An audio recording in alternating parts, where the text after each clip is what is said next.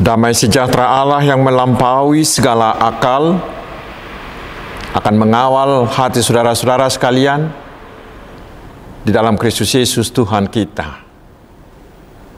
Amin. Selamat hari Minggu saudaraku, bagaimana kabar? Saya berharap semuanya kita dalam keadaan sehat dan dalam keadaan sukacita. Dan pada hari Minggu keempat sesudah Epifanias hari ini, Tuhan akan memperdengarkan firman-Nya kepada kita dari kitab Nabi Yeremia pasal yang pertama ayat yang keempat hingga ayat yang ke sepuluh saya bacakan untuk kita. Firman Tuhan datang kepadaku bunyinya. Sebelum aku membentuk engkau dalam rahim ibumu, aku telah mengenal engkau. Dan sebelum engkau keluar dari kandungan, aku telah menguduskan engkau Aku telah menetapkan engkau menjadi nabi bagi bangsa-bangsa. Maka aku menjawab, "Ah, Tuhan Allah, sesungguhnya aku tidak pandai berbicara, sebab aku ini masih muda." Tetapi Tuhan berfirman kepadaku, "Janganlah katakan aku, aku ini masih muda, tetapi kepada siapa pun engkau kuutus, haruslah engkau pergi." Dan apa pun yang kuperintahkan kepadamu haruslah kau sampaikan. Janganlah takut kepada mereka, sebab aku menyertai engkau untuk melepaskan engkau. Demikianlah firman Tuhan. Lalu Tuhan mengulurkan tangannya dan menjamah mulutku. Tuhan berfirman kepadaku, Sesungguhnya aku menaruh perkataan-perkataanku ke dalam mulutmu Ketahuilah, pada hari ini aku mengangkat engkau atas bangsa-bangsa dan atas kerajaan-kerajaan untuk mencabut dan merobohkan, untuk membinasakan dan meruntuhkan, untuk membangun, membangun dan menanam. Demikian firman Tuhan. Saudaraku, sahabat-sahabat Tuhan Yesus Kristus mungkin kita pernah dan mungkin sering menyanyikan lagu rohani ini. Tuhan memanggil nama saya, Tuhan memanggil namamu. Tuhan mem Tuhan memanggil nama saya, ya. Tuhan memanggil namamu. Lalu ku jawab ya, ya, ya, ku jawab ya, ya, ya. Tetapi saudaraku coba kita renungkan Apakah kita sekarang ini sudah benar-benar mau melakukan panggilan Tuhan itu? Karena ternyata masih sangat sulit untuk meminta kesediaan warga gereja untuk terlibat dalam pelayanan gereja. Misalnya untuk melayani ke rumah sakit, untuk melayani anak jalanan, melayani ke rumah tahanan dan ke lembaga pemasyarakatan. Masih banyak alasan dari ruas nihuria untuk menolak. Saudaraku, Firman hari ini mengajak kita agar kita mau bila Tuhan memanggil kita. Dalam nats ini Tuhan memanggil Yeremia menjadi nabinya untuk bernubuat kepada bangsa Israel. Tetapi Yeremia menolak. Kita baca di ayat 6 Yeremia mengatakan, "Ah Tuhan Allah, sesungguhnya aku ini tidak pandai bicara sebab aku ini masih muda." Alasan masih muda. Itu berarti ketika itu dia masih berusia di bawah 20 tahun.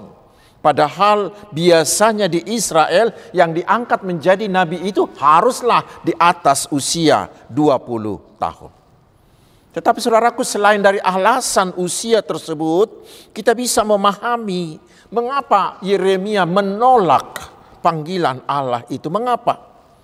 Karena ketika itu bangsa Israel sangatlah sangat tidak bermoral. Israel sudah pergi meninggalkan Allah dan pergi menyembah dewa-dewa Baal. Akibatnya moral mereka sangat merosot tajam. Karena mereka sekarang tidak lagi peduli dengan perilaku-perilaku yang saleh sebagai umat Allah. Tetapi justru mereka mempraktekkan ilmu sihir, ilmu gaib, dan mereka juga melakukan persundalan-persundalan atau prostitusi suci.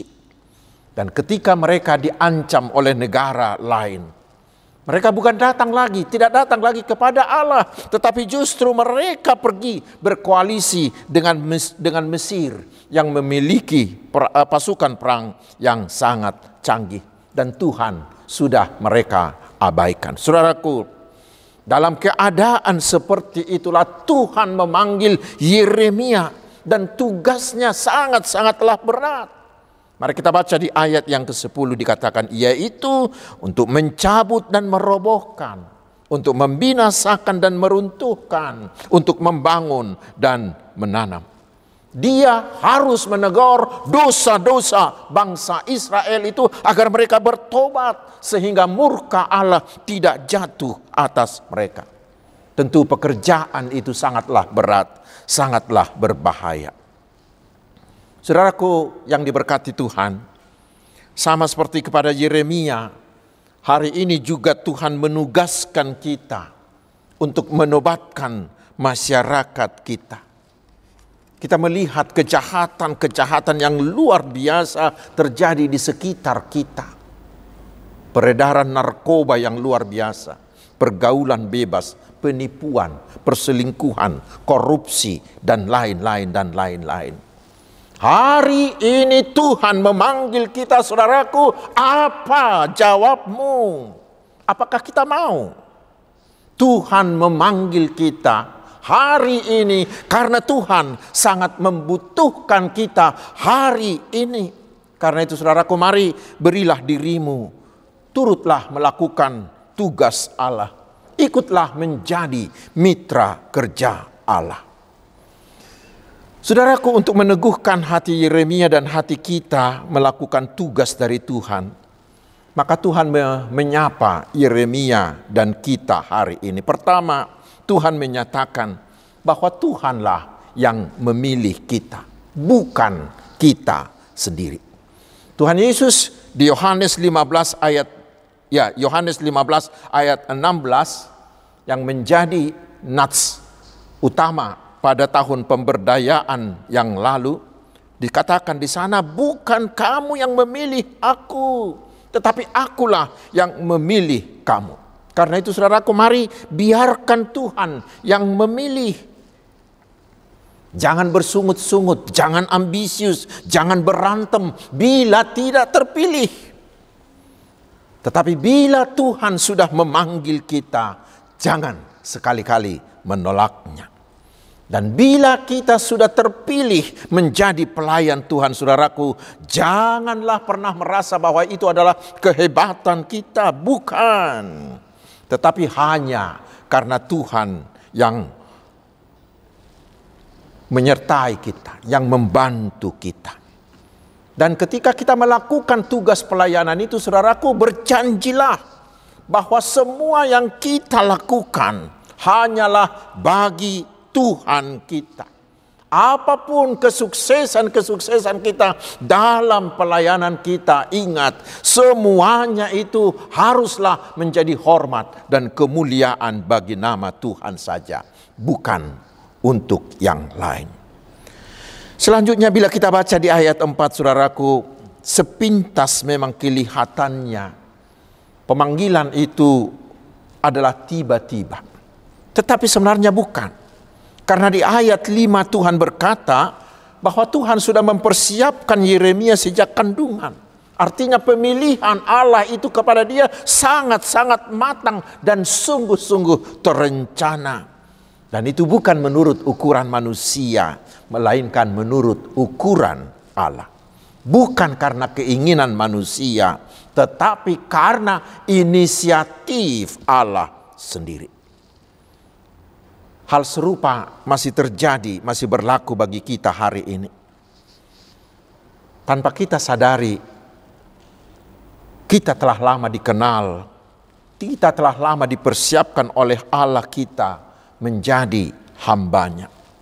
Karena itulah saudaraku ketika Tuhan memanggil kita, ketika Tuhan memberi kita kesempatan, janganlah menolaknya. Jangan menolaknya. Tetapi ikutlah. Itu yang pertama. Yang kedua kita harus menyadari bahwa tugas yang dari Allah itu sangatlah berat, tidak mudah. Yeremia harus menegur dosa bangsa, bangsanya sendiri, bangsa yang keras kepala itu, yang tegar tengkuk itu. Padahal kita tahu biasanya orang-orang itu suka dipuji, bukan? Karena itulah banyak orang yang bersikap ABS, asal Bapak senang, dan bahkan menjadi penjilat. Tetapi tugas hamba Tuhan itu bukan seperti itu. Tugas hamba Tuhan itu adalah melakukan perombakan total, yaitu dengan mencabut, merobohkan, membinasakan, meruntuhkan sistem kehidupan, sistem kemasyarakatan yang sudah berdosa supaya semuanya kembali kepada Tuhan, supaya semuanya melakukan perubahan hidup. Dan itu bisa terjadi saudaraku hanyalah bila ada orang yang mau diutus. Hanya terjadi bila ada orang yang melakukan kemarahan, yang melakukan koreksi, yang melakukan teguran. Itulah tugas Yeremia dan tugas kita sekarang. Dan kita harus sadari, tidak semua orang mau menerima teguran itu. Kebanyakan orang akan menolak bahkan membenci. Lihatlah apa yang dialami oleh Yeremia bila kita baca di pasal 11. Lihat, teman-teman sekampungnya, saudara-saudaranya sendiri mau membunuh dia. Bahkan temannya Parhaladu yaitu Imam Pasur pun menangkap dia dan memenjarakan dia. Karena itulah Yeremia sempat putus asa dan dia sempat mogok kerja kita baca di pasal 20 ayat 7 hingga 9 dan pasal 15 ayat 11 dan 18. Bahkan Yeremia sendiri sempat merasa dia ditipu, dipermainkan oleh Allah. Karena itulah dia katakan kepada Allah, aku tidak mau lagi disuruh. Itulah saudaraku saking beratnya tugas itu. Saudaraku, kita harus menyadari beratnya tugas itu bila, kita akan mau memenuhi panggilan Allah. Turut menjadi teman sekerja Allah. Tidak jarang mendatangkan kesukaran bagi diri kita sendiri. Dan sering itu datang dari orang-orang yang kita layani. Misalkan menjadi panitia pembangunan di gereja, menjadi situa, menjadi guru sekolah minggu, menjadi penginjil dan lain-lain dan lain-lain. Kita itu sering diejek, sering digosipi, sering dituduh yang tidak-tidak, bahkan sampai dihina dan ditolak. Sama seperti yang sudah dialami oleh Tuhan kita Yesus Kristus. Yang ditolak, yang dihina, bahkan dibunuh.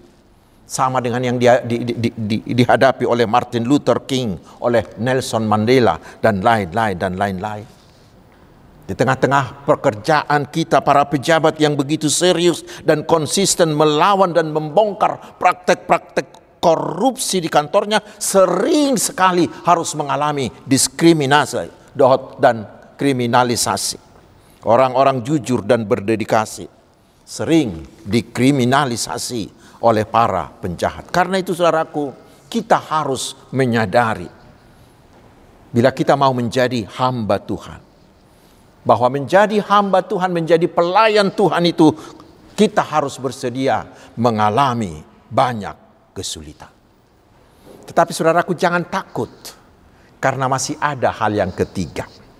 Hal yang ketiga Tuhan memberi jaminan penyertaannya bagi kita dan itulah kekuatan kita. Mari kita baca di ayat 8 Tuhan berkata, "Jangan takut kepada mereka sebab aku menyertai kamu." untuk melepaskan engkau. Demikianlah firman Tuhan. Perlu kita ingat saudaraku, bahwa Tuhan tidak pernah menyuruh seorang hambanya tanpa jaminan penyertaannya. Tidak sama sekali.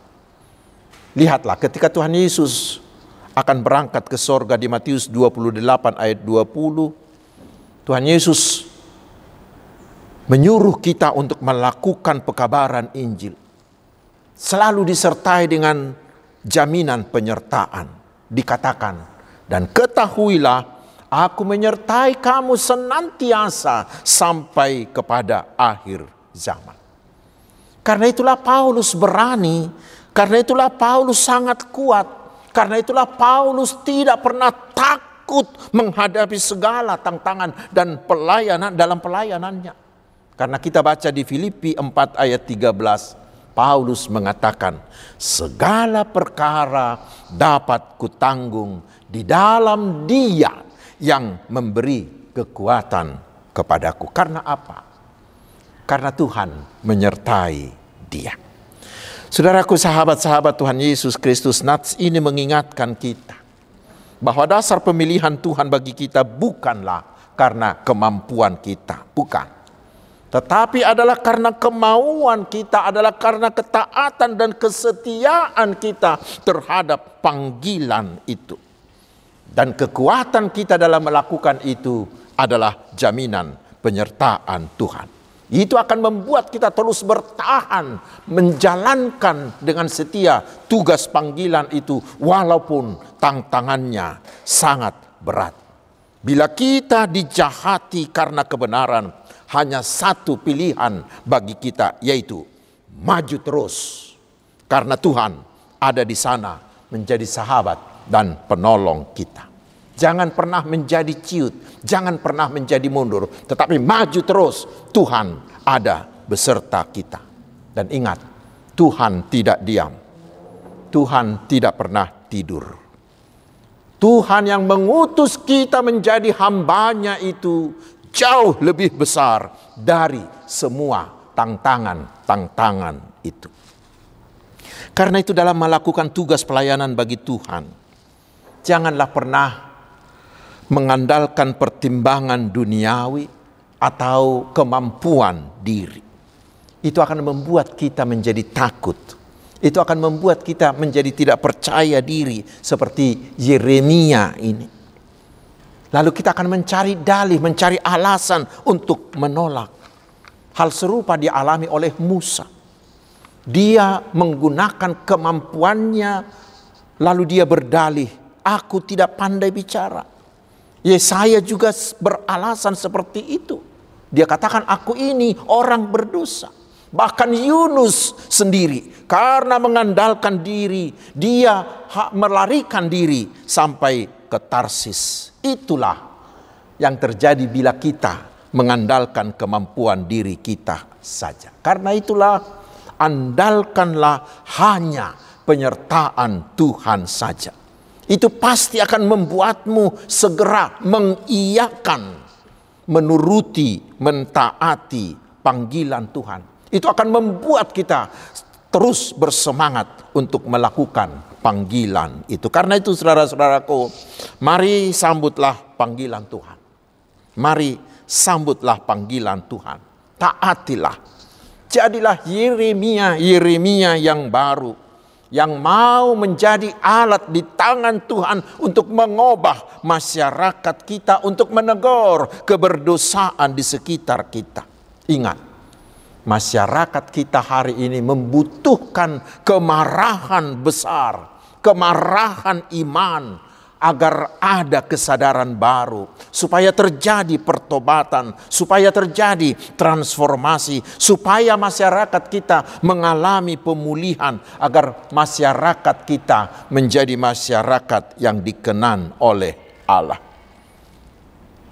Dan bila kita mau memenuhi panggilan Tuhan ini, itu tandanya bahwa kita benar-benar mengasihi orang-orang yang di sekeliling kita itu. Dan untuk melakukan itu saudaraku, mari kita semakin bersehati. Mari kita semakin bersehati melakukan tugas mulia ini sehingga kita bisa memperoleh hasil yang maksimal. Dengan bersehati kita pasti bisa. Tuhan Yesus memberkati. Amin. Mari kita berdoa. Terima kasih Tuhan atas firman-Mu. Doronglah kami dengan rohmu agar kami mau menjadi Yeremia-Yeremia yang baru.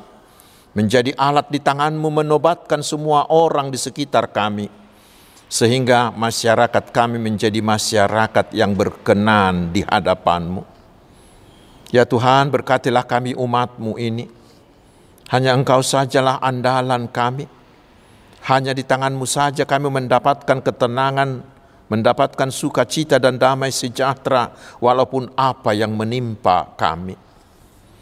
Tuhan Bapa di sorga, biarlah kasihmu semakin mendorong kami agar kami semakin bersehati, bersehati di keluarga, di huria, di masyarakat, di bangsa dan di negara ini. Terutama bersehati untuk mengabarkan Injilmu, bersehati untuk memanggil orang-orang kepadamu. Dengan kesehatian kami akan mampu melakukan perkara besar yang Tuhan suruh untuk kami lakukan. Lawatlah mereka yang sakit dan sembuhkanlah mereka ya Tuhan karena Engkaulah Sang Maha Tabib. Kuatkanlah mereka yang yang dalam pergumulan. Hiburkanlah mereka yang bersedih dan sedang menderita. Berkatilah saudara-saudara kami yang berulang tahun kelahiran dan berulang tahun pernikahan. Pulihkanlah keluarga-keluarga yang sedang mengalami pergumulan.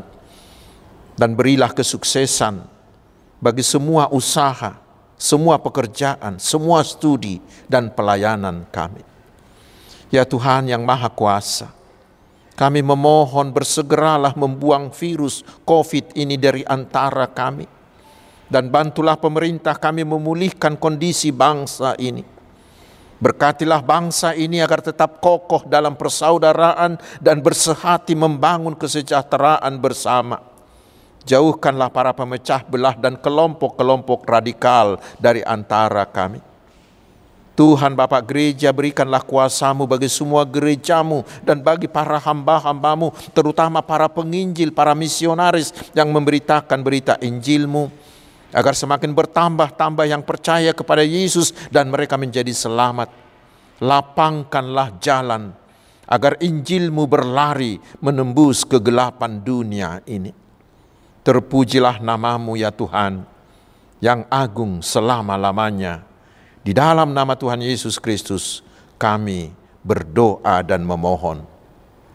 Amin.